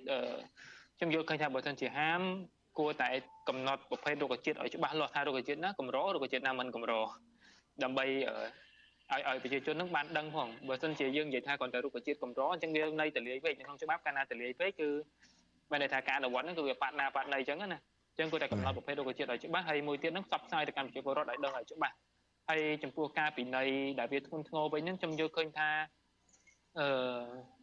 អាហ្នឹងយើងគួរតែគិតអំពីកត្តាសេដ្ឋកិច្ចរបស់ប្រជាជនដែរដូចអឺរឿងករណីចរាចរណ៍ចឹងនៅពេលដែលពិន័យដែលវាមិនដែលលុយជាជាទឹកប្រាក់នឹងវាច្រើនពេកទៅប្រជាពលរដ្ឋគឺចង់អញ្ចឹងគឺគាត់ប្រព្រឹត្តអំពើពុករលួយដែលអស់លុយតិចជាងហ្នឹងហើយអញ្ចឹងអឺទីមួយបើគាត់មានលុយបង់ក៏គាត់មិនចង់បង់ដែរសារវាអស់ច្រើនពេកហើយពីទៀតអឺទំហំសេដ្ឋកិច្ចអឺន័យថាជីវភាពប្រជាពលរដ្ឋទៅនឹងទំហំពីណៃហ្នឹងវាអត់វាខុសគ្នាឆ្ងាយពេកណា ចឹងគាត់គ្មានពីណាគេសុខចិត្តខ្ចីលុយអ្នកផ្សេងដើម្បីយកមកបង់ពីណីឯងមានតែប្រពន្ធពុកលុយហើយហ្នឹងវាមិនលើកកម្ពស់ឲ្យជាពលរដ្ឋគ្រប់ច្បាប់ទេប៉ុន្តែ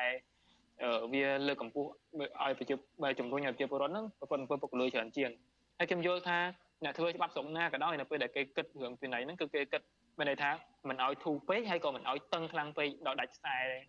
ដាច់ខ្សែចប៉ីដាច់ខ្សែអីវាដឹងអញ្ចឹងណាវាមិនអាចរឹតបន្តឹងខ្លាំងពេកទេគេគិតគូពីប្រជាពលរដ្ឋគេហើយបើសិនជាយើងយកលេសថា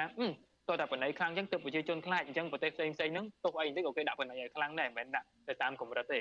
អញ្ចឹងខ្ញុំយល់ឃើញថាហ្នឹងហើយការបណៃមួយមួយគឺត្រូវតែមានហេតុផលសមស្របហើយមានការសិក្សាពីពាក់ព័ន្ធមួយសេដ្ឋកិច្ចមួយសង្គមមួយជីវភាពប្រជាពលរដ្ឋបើមិនជាយើងចេញច្បាប់មកដោយមិនដោយមិនមានការពិភាក្សាជាមួយនឹងភាគីពាក់ព័ន្ធហ្នឹងគឺច្បាប់ចេញមកបែបហ្នឹងបណៃចេះធ្ងន់ទៅប៉ុន្តែជាពលរដ្ឋចេះរកវិធីសាស្ត្រកិច្ចវេះទៅហើយអាហ្នឹងវាធ្វើឲ្យការអនុវត្តច្បាប់នៅប្រទេសយើងហ្នឹងវាកាន់តែ ដុនដាបទៅវាប្រជាជនអត់ចូលរួមគ្រប់ច្បាប់ជាមួយពួកយើងបាទបាទអរគុណចុងក្រោយនេះចង់ឲ្យតារាវុធចាប់អារម្មណ៍ទៅលើសេចក្តីព្រាងច្បាប់ទាំងមូលចុងក្រោយនេះតើមេត្រាណាមួយឬមួយក៏កថាខណ្ឌណាមួយដែលតារាវុធគិតថាគួរគាំគាំទ្រនិងលើកទឹកចិត្តឲ្យមានការអនុវត្តឲ្យមានប្រសិទ្ធភាពហើយមេត្រាឬមួយក៏ កថាខណ្ឌវគ្គខណ្ឌណាមួយ ដែលគួរតែមានការកែសម្រួលកែតម្រូវឡើងវិញមុននឹងឲ្យសេចក្តីព្រាងច្បាប់នេះចេញជាផ្លូវការបញ្ជូនទៅរដ្ឋសភានិងព្រះមហាក្សត្រអឺផ្សព្វផ្សាយជាសាធារណៈទៅដល់មហាជនបាទ បាទចំពោះមេត្រាដែលខ្ញុំគ្រប់គ្រងខ្ញុំយល់ថាមេត្រាដែលលើកទឹកចិត្តឲ្យប្រជាពលរដ្ឋឲ្យសិស្សានុសិស្សមន្ត្រីរាជការឲ្យចូលរួមការពារព្រៃឈើហើយខ្ញុំលើកទឹកចិត្តឲ្យអនុវត្តវាបានពេញលេញផងព្រោះអាមេត្រានេះវាមាននៅក្នុងច្បាប់ចាស់ដែរប៉ុន្តែហើយដែលយើងឃើញកន្លងមកវាអត់មានការលើកទឹកចិត្តទេផ្ទុយទៅវិញមានតែការរឹតបន្តឹងពួកគាត់អ្នកខ្លះហ្នឹងត្រូវជាប់ពន្ធនាគារដោយសារការពារព្រៃឈើអ្នកខ្លះត្រូវបានគេបាញ់សម្លាប់មិនមានយុត្តិធម៌អ្នកខ្លះត្រូវបានគេហាម5ឲ្យចូលព្រៃដោយគេចាត់ទុកគាត់ថាជាបុគ្គលខុសច្បាប់អីចឹងទៅអញ្ចឹង ខ្ញុំយល់ថាគួរតែពង្រឹងការអនុវត្តកន្លែងហ្នឹងវិញហើយការធ្វើច្បាប់នេះក៏អញ្ចឹងដែរវាគួរតែមានការចូលរួមពីភាគីពាក់ព័ន្ធដើម្បីបង្ហាញឲ្យឃើញពីឆន្ទៈនៅក្នុងការលើកស្ទួយឲ្យប្រជាពលរដ្ឋហ្នឹងចូលរួមការពារប្រៃឈើដែរបើមិនជាมันមានការចូលរួមភាសាពីភាគីពាក់ព័ន្ធហ្នឹងយើងនិយាយថាយើងលើកទឹកចិត្តមិនកើតបើមិនជាគាត់តែធ្វើច្បាប់ហ្នឹងគឺចោលគាត់បាត់ហើយហ្នឹងហើយមួយទៀតខ្ញុំមិនពេញចិត្តនៅក្នុងច្បាប់ហ្នឹងគឺត្រង់មេត្រាមួយខ្ញុំផ្លេចមេត្រាទៅប៉ុន្តែគេបានចែងថា ការកែប្រែតំបន់ការពារធម្មជាតិណាមួយហ្នឹងគឺអាស្រ័យទៅនឹងតម្រូវការរបស់រដ្ឋាភិបាលខ្ញុំយល់ថាបើយកវាត្រឹមបើសិនជាការកែប្រែត្រឹមតែជាតម្រូវការរបស់រដ្ឋាភិបាលនោះតម្លៃនៃអូសៀនជាតិមួយមួយហ្នឹងវាបាត់បង់ណាដោយសារតែមានន័យថាយើងដាក់ជាអូសៀនជាតិដែរប៉ុន្តែអឺនាយករដ្ឋមន្ត្រីតែឯងហ្នឹងគាត់គាត់គ្រាន់តែសញ្ញេអឺអនុក្រឹត្យណាមួយទៅគឺអាចកែប្រែអូសៀនជាតិហ្នឹងបានបាត់ហើយអញ្ចឹងដូចយើងឃើញករណីជាក់ស្ដែងនៅលើភ្នំបូកគោអញ្ចឹង ដូចជាជាតិភ្នំបូកគោមានព្រៃឈើមានសត្វព្រៃអីចឹងប៉ុន្តែគាត់តែសញ្ញេមកខ្មាច់ទៅខ្លាចទៅជាឥឡូវមានបូរីនៅលើភ្នំបូកគោទៅជារបស់អុកញ៉ាទៅជាដីនឹងទៅជាកន្លែងកាស៊ីណូទៅជាផ្ទះដែលសាងសង់ឲ្យទុកចោលឬក៏ផ្ទះសម្រាប់អ្នកមានទិញសម្រាប់លំហែមួយឆ្នាំអីទៅតែម្ដងទៅប៉ុន្តែកាប់ព្រៃអស់រាប់ម៉ឺនហិកតានៅលើភ្នំបូកគោអញ្ចឹងសំដៅសួរថាតើដាក់ជាអូសៀនជាតិបានកាយបើសិនជាបរិសម្នាក់គ្រាន់តែយកប៊ិចមកសញ្ញេលើกระดาษមួយហ្នឹងក៏អូសៀនជាតិហ្នឹងនឹងអាលាយខ្សលបាត់ទៅហ្នឹង អញ្ចឹងខ្ញុំលើកទឹកចិត្តថាជាជាងបដោតត្រឹមថាកាយប្រៃអូសៀនជាតិមួយត្រឹមតែសេចក្តីត្រូវការរបស់រដ្ឋាភិបាលគួរតែមានការឆ្លងកាត់សភាព្រោះអាហ្នឹងវាវាពាក់ព័ន្ធមួយជនជាតិជាប្រយោជន៍រួមអញ្ចឹងគួរតែមានការឆ្លងកាត់ការលំអត់ពីសភាជជែកគ្នាឲ្យបានម៉ត់ចត់បន្តិចមុននឹងកែប្រែតំបន់អូសៀនជាតិណាមួយអញ្ចឹងខ្ញុំយល់ថាវាជារឿងត្រឹមត្រូវជាងព្រោះថាបើយើងគិតអំពីតម្រូវការការទៀមទាដាក់ជាអូសៀនជាតិមួយមួយវាពិបាកប៉ុន្តែ ដល់ពេលការកែប្រែពីអូសៀនជាតិមកទៅជាកន្លែងដែលសង់ផ្ទះសង់បរិយាសម្រាប់អ្នកមានលក់គឺវាស្រួលជាងការដាក់ជាអូសៀនជាតិនឹងទៅទៀតបាទបាទអរគុណតារាពុទ្ធចង់ឲ្យលោកតារាពុទ្ធបញ្ជាក់បន្ថែមបន្តិចដោយសារតែតារាពុទ្ធនិងក្រមសកម្មជននៃការពីបរិស្ថាននឹងបានចុះញឹកញាប់ទៅសហគមន៍ព្រៃឈើហើយនឹងតំបន់ផ្សេងផ្សេងទៀតដែលកំពុងតែមានការប្រឈមនឹងការបាត់បង់ព្រៃឈើនិងសត្វព្រៃតើមកទួលនឹងពីនេះ សត្វព្រៃណាខ្លះដែលនៅក្នុងប្រទេសកម្ពុជាដែលសម្បូរនៅក្នុងព្រៃធំធំព្រៃអភិរក្សសម្បូររហូតទៅគួរតែបើកច្បាប់ឲ្យមានការបរបាញ់ហើយច្បាប់ទាំងមូលនេះវានឹងផ្ដល់ផលប្រយោជន៍ធំដុំទៅដល់ប្រជាសហគមន៍ប្រជាពលរដ្ឋឬមួយក៏ច្បាប់នេះសម្រាប់តែបំរើទៅដល់មន្ត្រីអ្នកមានអំណាចក្រុមហ៊ុនធំធំដែលកំពុងរកស៊ីផ្នែកព្រៃឈើផ្នែកសត្វព្រៃនៅក្នុងប្រទេសកម្ពុជាឬក៏យ៉ាងណាដែរបាទ បាទអឺតាខ្ញុំបើសិនជាយើងនិយាយពីតួលេខជាក់ស្ដែងខ្ញុំមិនអាចនិយាយបានទេដោយសារគាត់តែយើងទៅតាមសហគមន៍ព្រៃឈើមែនប៉ុន្តែការវិនិច្ឆ័យអំពីស្ថានភាពសត្វព្រៃនៅប្រទេសកម្ពុជាវាត្រូវការមានការសិក្សាឲ្យច្បាស់លាស់បែបវិទ្យាសាស្ត្រអញ្ចឹងប៉ុន្តែខ្ញុំអាចលើកឡើងជាការសង្កេតរបស់ខ្ញុំថាបច្ចុប្បន្ននៅពេលដែលយើងទៅព្រៃណាមួយយើងកម្របានឃើញសត្វទោះបីយើងដើរខ្ញុំធ្លាប់ដើរព្រៃតាំពី3នាក់អីក៏យើងអឺ កម្រឃើញសត្វដែរតទៅចូលទៅដល់ព្រៃឡង់ជ្រៅខ្លាំងឬក៏ព្រៃផ្សេងផ្សេងអញ្ចឹងណាហើយជាក់ស្ដែងកន្លងមកខ្ញុំឃើញថាសត្វព្រៃមួយចំនួនហ្នឹងមិនត្រូវបានការពារទៅទៀតដូចជាស្វាក្តាមជាដើមត្រូវបានគេយកទៅលក់នៅក្រៅប្រទេសតតែបែកធ្លាយរឿងអាមេរិកចាប់ទៅទៅយើងដឹងអញ្ចឹងឧទាហរណ៍មួយទៀតហ្នឹងគឺនៅព្រៃមេតាធម្មជាតិដែលជាកន្លែងដែលអឺប្រសង់ប្រសង់គាត់អឺសង្គ្រោះសត្វព្រៃហើយជាកន្លែងដែលសត្វព្រៃនៅច្រើនណា មួយរយៈក្រោយបើជាត្រូវបានគេកាប់បំផ្លាញព្រៃឈើនឹងចោលហើយសត្វព្រៃនឹងតែងតែត្រូវបានទាហានបកបាញ់សម្លាប់ហើយសត្វព្រៃខ្លះក៏រត់ខ្ចាត់ចាយទៅណាបាត់ទៅអញ្ចឹងយើងឃើញថាមិនទាន់មានការលើកទឹកចិត្តនៅក្នុងការសង្គ្រោះសត្វព្រៃឬថាអភិរក្សសត្វព្រៃឲ្យបានមមទាំនៅឡើយទេហើយក៏មិនឃើញមានសម្បូរសត្វព្រៃដល់ថារត់កាត់ផ្លូវបកជាគ្រោះថ្នាក់ចរាចរណ៍ឬក៏សត្វព្រៃណាវាហួសវាសម្បូរខ្លាំងពេកដល់ថ្នាក់វាផ្លាស់ប្ដូរប្រព័ន្ធអេកូឡូស៊ីនៅក្នុងព្រៃ យើងមានគាត់តែសត្វព្រៃដែលគាត់រងគ្រោះពីការដាក់អន្ទាក់ពីការបរបាញ់ពីការយកទៅលក់នៅក្រៅប្រទេសអានោះយើងឃើញមានអញ្ចឹងចំពោះសត្វព្រៃដែលសម្បូរដល់ថ្នាក់យើងត្រូវបង្កើតឲ្យមានកីឡាបំបាញ់ខ្ញុំយល់ថា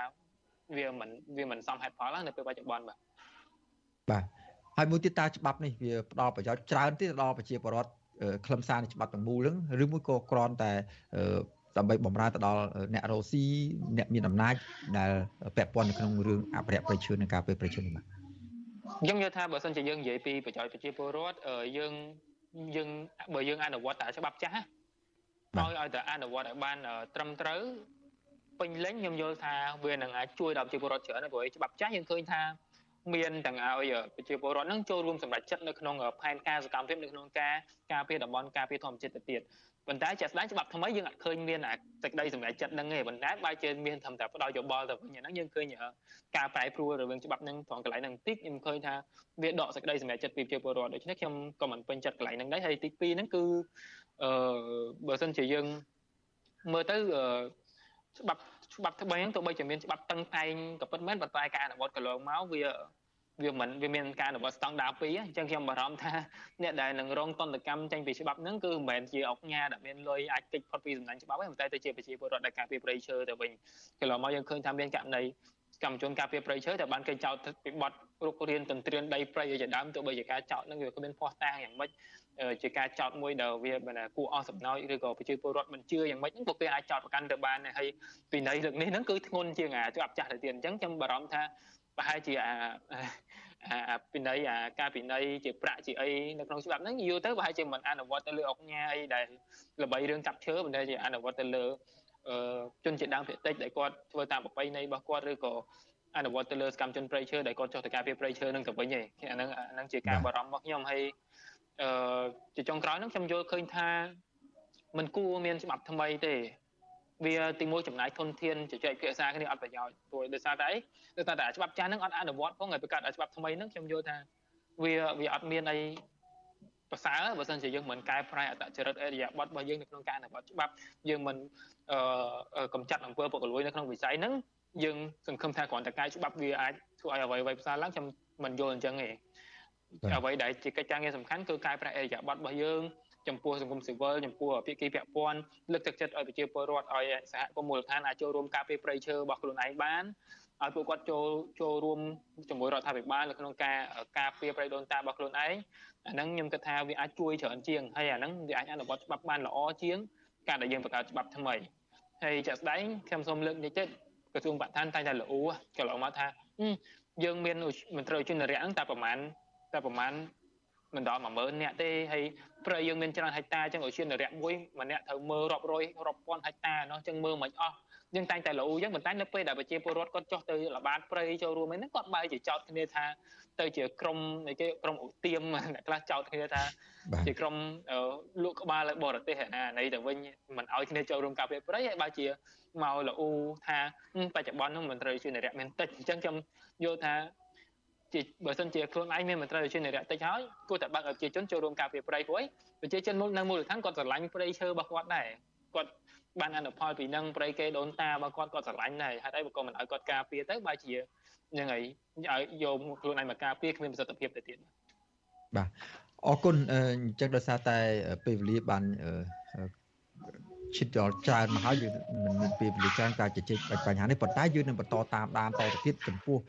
សេចក្តីព្រៀងច្បាប់ថ្មីស្តីអំពីការពារធនធានធម្មជាតិនេះតើនឹងមានប្រតិកម្មពីអង្គការសមាគមដែលធ្វើការងារផ្នែក បរិស្ថានផ្នែកធនធានធម្មជាតិនឹងយ៉ាងណាពីប្រជាពលរដ្ឋយ៉ាងណាហើយនឹងមានការកែប្រែយ៉ាងណាខ្លះទៅទៀតមុននឹងច្បាប់នេះចេញជាធរមាននោះបាទអរគុណលីចន្ទរាវុធដែលចំណាយពេលវេលាផ្ដល់បទសម្ភាសចាប់អារម្មណ៍ទៅលើសេចក្តីព្រាងច្បាប់ថ្មីស្តីពីធនធានធម្មជាតិនៅពេលនេះចម្លៀទៅប៉ុណ្ណេះសិនបាទបាទជំរាបលាពូបាទលោកនាងកញ្ញាជាទីមេត្រីលោកនាងកំពុងតាមដានស្ដាប់ការផ្សាយរបស់វិទ្យុអស៊ីសេរីពីរដ្ឋធានីវ៉ាស៊ីនតោនសហរដ្ឋអាមេរិកបាទ ក្រសួងបាទអឺសំទោសក្រមគ្រួសារបាត់ពាក់ព័ន្ធនឹងសេចក្តីរាយការណ៍ដែលនិយាយអំពីស្ថានភាពខ្មែរកម្ពុជាក្រោមដែលកំពុងស្វែងរកសិទ្ធិជ្រកកោននិងស្វែងរកការងារធ្វើនៅក្នុងប្រទេសថៃឯនោះវិញបាទក្រមគ្រួសារខ្មែរក្រោមភៀសខ្លួននៅក្នុងប្រទេសថៃបានស្នើសុំអាជ្ញាធរថៃយោគយល់និងដោះលែងប្រជាពលរដ្ឋខ្មែរដែលកំពុងជាប់ឃុំទាំង5នាក់ ដែលកំពុងតែនៅក្នុងប្រទេសថៃឯនោះបាទពួកគាត់នៅតែបារម្ភខ្លាចសាច់ញាតិនៅក្នុងពន្ធនាគារទ្រាំនឹងទុកលំបាកពិបាកព្រោះសុទ្ធតែអ្នកមានវ័យចាស់និងមានជំងឺប្រចាំកាយបាទពីរដ្ឋធានីវ៉ាស៊ីនតោនលោកយ៉ងច័ន្ទរារាយការណ៍ជុំវិញព័ត៌មាននេះ ក្រុមគ្រួសារខ្មែរក្រោមភៀសខ្លួននៅប្រទេសថៃទទូចដល់អាជ្ញាធរថៃឲ្យដោះលែងសមាជិកគ្រួសាររបស់ពួកគាត់ទាំង5នាក់ទៀតឲ្យបានឆាប់ពីព្រោះតែពួកគាត់គ្រាន់តែស្វែងរកការងារធ្វើដើម្បីបានប្រាក់ខ្លះសម្រាប់ចិញ្ចឹមក្រពះដោយពុំបានប្រព្រឹត្តល្មើសច្បាប់ធ្ងន់ធ្ងរឡើយពួកគាត់ចង់ឲ្យខ្មែរក្រោមដែលជាប់ឃុំទាំង5នាក់ទៀតនោះមានសេរីភាពឡើងវិញពីព្រោះប៉ូលីសថៃបានឃុំខ្លួនឪពុកម្ដាយបងប្អូនពួកគាត់អស់រយៈពេល49ថ្ងៃមកហើយមកទល់នឹងពេលនេះ ពលរដ្ឋខ្មែរក្រៅម្នាក់ដែលឪពុកម្ដាយកំពុងជាប់នៅក្នុងពន្ធនាគារលោកស្រីនាងសុវងប្រាប់វិទ្យុអាស៊ីសេរីនៅព្រឹកថ្ងៃទី3ខែធ្នូថាលោកស្រីចង់ឃើញឪពុកម្ដាយមានសេរីភាពឡើងវិញក្រោយពីឃើញសមត្ថកិច្ចថៃដោះលែងខ្មែរក្រៅម្នាក់ទៀតកាលពីប្រមាណថ្ងៃមុននេះ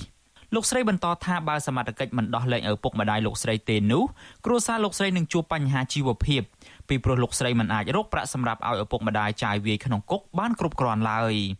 លោកស្រីបញ្ជាក់ថាឪពុកលោកស្រីប្រាប់ឲ្យរកអ្នកធានាឲ្យគាត់បាននៅក្រៅឃុំឲ្យបានឆាប់ពីព្រោះគាត់ទ្រាំនឹងទុកលំបាកលែងបានតទៅទៀតហើយមួយតំណងយ៉ាប់ទៅយ៉ាប់ទៅគាត់លែងទ្រាំពីមុនគាត់ថាមិនមិនគាត់ថាអោមិនបានដែរនៅខ្លួនក៏បានដែរឥឡូវអត់ទេដូចអត់និយាយដូចមុននេះណាគាត់ចាប់ដើមឆ្លើយផ្ដាច់ការថាពិបាកណាស់កូនអើយងល់រហូតបែរខ្ញុំថាឲ្យខ្ញុំទ្រាំលើបានខ្ញុំស្រដៀងគ្នានេះដែរពលរដ្ឋខ្មែរក្រៅម្នាក់ទៀតដែលមានប្អូនស្រីកំពុងជាប់ឃុំលោកស្រីលីធីយីបប្រាប់ថា រាល់ថ្ងៃនេះលោកស្រីអាណិតក្មួយស្រីអាយុជាង2ឆ្នាំដែលស្រែកយំរោគម្ដាយហើយក្មួយស្រីចេះតែមើលផ្លូវម្ដាយរហូតធ្វើឲ្យលោកស្រីខ្លោចចិត្តអាណិតក្មួយជាខ្លាំងលោកស្រីបន្តថាប្អូនស្រីលោកស្រី មានជំងឺធ្លាក់ទឹកចិត្តផងខ្លាចតែនាងទ្រាំនៅក្នុងគុកមិនបានយូរនោះទេលោកស្រីអំពាវនាវដល់អង្គការមនុស្សធម៌ជាពិសេសអង្គការសហប្រជាជាតិនៅទីក្រុងបាងកកអន្តរាគមន៍ទៅរដ្ឋាភិបាលថៃអនុគ្រោះនិងដោះលែងប្អូនលោកស្រីឲ្យបានមកជួបកូនវិញផង វិសាលមិញមកផ្ទេមកថាវាជាក្បាលរហូតដែរហ្នឹងចឹងខ្ញុំសូមឲ្យអង្គការចាប់ជួយបងអូនខ្ញុំមកបានទីងមកឆាប់ឆាប់ប៉ូលីសថៃបានចាប់ខ្លួនខ្មែរក្រោម10នាក់បញ្ជូនទៅពន្ធនាគារនៅក្នុងស្រុកឡាំលូកាខេត្តបឋមធានីកាលពីថ្ងៃទី14ខែតុលាដោយចោទប្រកាន់ពួកគេពីបទចូលប្រទេសថៃដោយខុសច្បាប់និងធ្វើការងារដោយគ្មានឯកសារអនុញ្ញាត បន្ទាប់មកសមាជិកអន្តោប្រវេសន៍ថៃបានដោះលែងខ្មែរក្រោម2លើកគឺលើកទី1ដោះលែងខ្មែរក្រោមចំនួន4នាក់កាលពីអំឡុងពាក់កណ្ដាលខែវិច្ឆិកានិងលើកទី2ដោះលែងខ្មែរក្រោមម្នាក់កាលពីចុងខែវិច្ឆិកាកន្លងទៅបច្ចុប្បន្ននេះនៅសល់ខ្មែរក្រោមចំនួន5នាក់ទៀតនៅបន្តជាប់ពន្ធនាគារសួនភ្លូនៅទីក្រុងបាងកកដែលអាជ្ញាធរថៃមិនទាន់អនុញ្ញាតឲ្យត្រឡប់មកផ្ទះវិញនៅឡើយទេ ជុំវិញរឿងនេះដែរប្រធានសមាគមភៀសខ្លួនខ្មែរក្រោមប្រចាំប្រទេសថៃលោកលឹមកែវសំណាង លើកឡើងថាសមាជិកនៅក្នុងសហគមន៍ខ្មែរក្រោមទាំងអស់ស្នើសុំឲ្យអាជ្ញាធរថៃដោះលែងខ្មែរក្រោមទាំង5នាក់ទៀតឲ្យមកជួបជុំក្រុមគ្រួសារវិញលោកបន្តថាសាច់ញាតិរបស់អ្នកជាប់ឃុំកំពុងរងចាំផ្លូវឪពុកម្ដាយបងប្អូនពួកគេត្រឡប់មកវិញហើយអ្នកជាប់ឃុំមិនអាចអត់ទ្រាំបានយូរទៀតនោះទេពីព្រោះពួកគាត់មានវ័យចាស់ណាស់ទៅហើយ។ បញ្ហាគឺសំខាន់បំផុតគឺថវិកាហ្នឹងឯងចំនួនក្នុងម្នាក់50000បាតលុយថៃវាស្មើ1000ដុល្លារជាងជិត2000ណាយើងស្នើយ៉ាងណាសូមឲ្យអង្គការនៅបរទេសឬអង្គការនៅក្នុងប្រទេសថៃអង្គការមនុស្សធម៌ណាជួយដល់គាត់ផងពីព្រោះគាត់នៅក្នុងគុកពិបាកណាហើយគាត់ជាមនុស្សចាស់ជរាទៀតរបាយការណ៍របស់សមាគមភៀសខ្លួនខ្មែរក្រោមឲ្យដឹងថានៅប្រទេសថៃមានបរិវត្តខ្មែរក្រោមជាង200នាក់កំពុងរស់នៅភៀសខ្លួនដោយសុំសិទ្ធិជ្រកកោនពីការិយាល័យឧត្តមស្នងការអង្គការសហប្រជាជាតិនៅទីក្រុងបាងកក ពួកគេភ័យច្រើនបានរត់គេចចេញពីការធ្វើទុកបុកម្នេញពីសំណាក់អាជ្ញាធរវៀតណាមដោយសារតែការបញ្ចេញមតិការគោរពជំនឿសាសនានិងអ្នកខ្លះត្រូវវៀតណាមរឹបអូសយកដីធ្លីជាដើម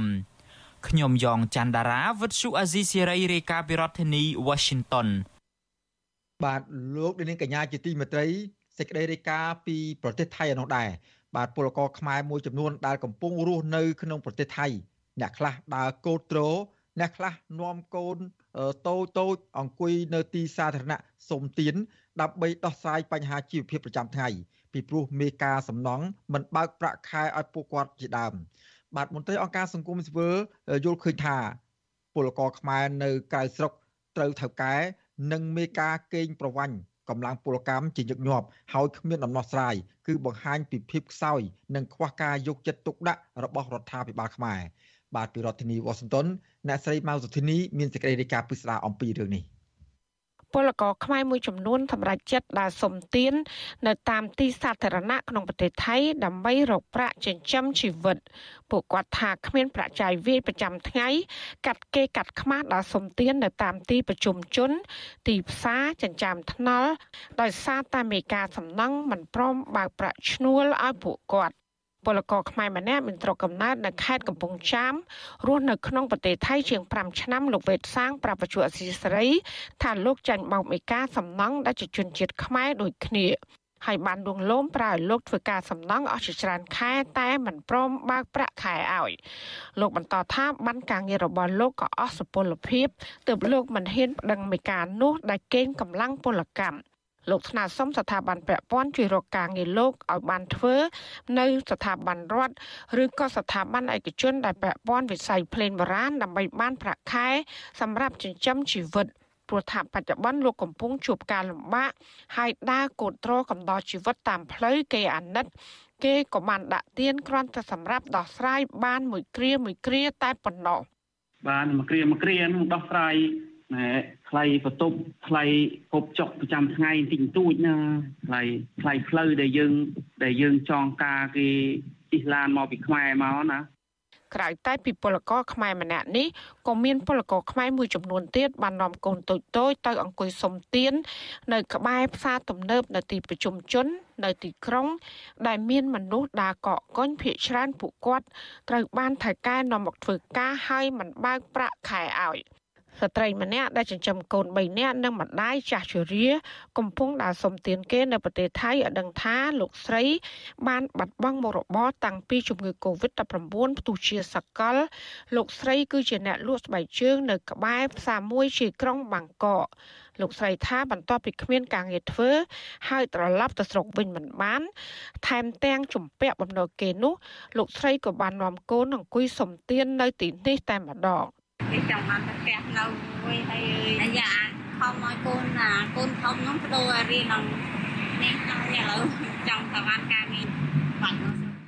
ស្រដៀងគ្នានេះដែរក៏មានពលករណីម្នាក់ទៀតដែលកំពុងអង្គុយសុំទានលើស្ពានអាកាសនៅក្បែរផ្សារទំនើបគឺលោកស្រីនីនិនប្រាប់ថាលោកស្រីដែលលក់ពេញប៉ោងតែរកចំណូលមិនសូវបាន ហើយក៏បាននាំកូនតូចតូចមកអង្គុយសុំទានដើម្បីបានប្រាក់ខ្លះទប់ទល់នឹងការចំណាយលោកស្រីថាក្នុងមួយខែមួយខែលោកស្រីត្រូវចំណាយថ្លៃទឹកដោះគោកូននិងថ្លៃបន្ទប់ស្នាក់នៅ ប្រមាណជាជាង1200បាត ទៅលក់បតោទៅហើយណាមួយមានតែលក់ច្រើនណាស់អីខ្ញុំលក់បតោយើងអត់មានសំមុខដូចគេទេលក់ទិញទិញទិញហ្នឹងកាលពីពេលថ្មីថ្មីនេះសមត្ថកិច្ចអន្តោប្រវេសន៍ថៃបានចាប់បរិះគោមខ្នងម្នាក់ដែលបានដើរសំទានគេនៅផ្សារនៅក្នុងខេត្តឈុនបុរី បរោះគោមខ្នងនេះគាត់ជាពលករចំណាក់ស្រុកទាំងគ្រួសារហើយពិបាករកការងារធ្វើក៏ដើរសុំទានត្រូវបានប៉ូលីសថៃឃាត់ខ្លួនដើម្បីសាកសួរកាលពីថ្ងៃទី3ខែកញ្ញាកន្លងទៅប្រធានផ្នែកប្រយុទ្ធប្រឆាំងការជួញដូរមនុស្សនិងទេសនប្រវេសនៃអង្គការសង្ត្រាល់លោកឌីថេអូយ៉ាលើកឡើងថាពលករខ្មែរដែលធ្វើការងារហើយត្រូវបានថៅកែមិនបានបើកប្រាក់ខែឲ្យ ពួកគាត់អស់ជំរឿរហូតដល់សុំទានគេ លោកថាស្ថានទូតខ្មែរនៅប្រទេសថៃត្រូវតែរកដំណោះស្រាយជូនពួកគាត់លោកដេថេអូយ៉ាបន្តថាកម្ពុជា ត្រូវបង្កលក្ខណៈងាយស្រួលសម្រាប់ឲ្យពលករចំណាក់ស្រុក មានសុវត្ថិភាពជៀសវាងពួកគាត់ត្រូវចាញ់បោកគេនិងដើរសំទៀន ចឹងហើយបានជាទូទៅនៅពេលដែលយើងទៅប្រទេសថៃ mindset មានន័យថាផ្នែកកំណត់របស់ថៃហ្នឹងមើលមកយើងហាក់ដូចជាចិត្តសាសមួយដែលអន់ថយជាងគេជាចិត្តសាសមួយដែលសុំទានគេជាចិត្តសាសមួយដែលអត់មានការងារធ្វើហើយចំណាក់សុខទៅរកការងារសុខគេហើយជាពិសេសគឺយើងឃើញថាមានពលរដ្ឋខ្មែរមួយចំនួនដែរដែលទៅរកហៅមិនអាជីពដែលចំណាក់ដើរសុំទានតាមកន្លែងផ្សេងផ្សេងជាដើមអញ្ចឹង ពលករខ្មែរដែលត្រូវមេការសំណង់កេងប្រវ័ញ្ចពលកម្មពួកគាត់ថាគ្មានប្រាក់ចំណូលដាច់ចិត្តមកអង្គុយសុំទានដើម្បីយកប្រាក់ដោះស្រាយការហូបចុកប្រចាំថ្ងៃពួកគាត់លើកឡើងថាពួកគាត់មិនចង់មកអង្គុយសុំទានគេប៉ុន្តែដោយសារតែស្ថានភាពសេដ្ឋកិច្ចបានបង្ខំឲ្យពួកគាត់ធ្វើយ៉ាងដូចនេះ ពលករខ្មែរបានចូលមកប្រទេសថៃដើម្បីរកការងារធ្វើក៏ប៉ុន្តែពួកគាត់ខ្លះបានធ្វើចំណាក់ស្រុកទាំងបថុយបឋានរហូតដល់ចាញ់បោកគេជាច្រើនករណីដូចជាការប្រើកម្លាំងពលកម្មច្រើនហួសកម្រិតធ្វើការលើសម៉ោងមិនបានបើកប្រាក់ខែទៀងទាត់ និងត្រូវគេជួញដូរលក់នៅលើទូកនេសាទជាដើមពលករខ្មែរដែលដើរសុំទានក្នុងប្រទេសថៃ គឺមានប្រមាណជា20នាក់ មន្ត្រីសង្គមស៊ីវិលយល់ថានៅពេលពលករខ្មែរចំណាក់ស្រុកជួបការលំបាកបែបនេះហើយចង់មកផ្ទះវិញរដ្ឋាភិបាលត្រូវជួយសម្រួលពួកគាត់អាចត្រឡប់មកកម្ពុជាវិញវិទ្យុស៊ីស្រីមិនអាចតតងសំការអធិប្បាយជុំវិញបញ្ហានេះពីស្ថានទូតកម្ពុជាផ្នែកទទួលបន្ទុកពលករនិងអ្នកនាំពាក្យក្រសួងការងារលោកហេងសួរបាននៅឡើយទេ នៅថ្ងៃទី2ខែធ្នូដោយសារតែទូរស័ព្ទហៅចូលតែគ្មានអ្នកលើក ចាននាងខ្ញុំម៉ៅសុធានីវិទ្យុអសីស្រីប្រធានាធិបតី Washington លោកនាងកញ្ញាជាទីមេត្រីការផ្សាយរបស់វិទ្យុអសីស្រីសម្រាប់ព្រឹត្តិថ្ងៃស្អែកនេះចប់តែប៉ុណ្ណេះសូមអរគុណនិងសូមជម្រាបលាបាទរាត្រីសួស្តី